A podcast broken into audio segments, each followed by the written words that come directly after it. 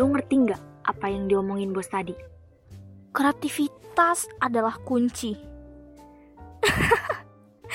kunci, nak. Kunci. Yeh, kunci pala lu. Udah lah, gue mau ke front office dulu. Tunggu, tunggu. Mando shift siang ya? Enggak kok, dia sama shift paginya. Cuma tadi pas datang langsung megang kamar aja. Si bos bilangnya kreativitas adalah kunci. Dalam bekerja atau aktivitas apa pun, kita harus kreatif. Cuma kalau dipikir-pikir, hmm,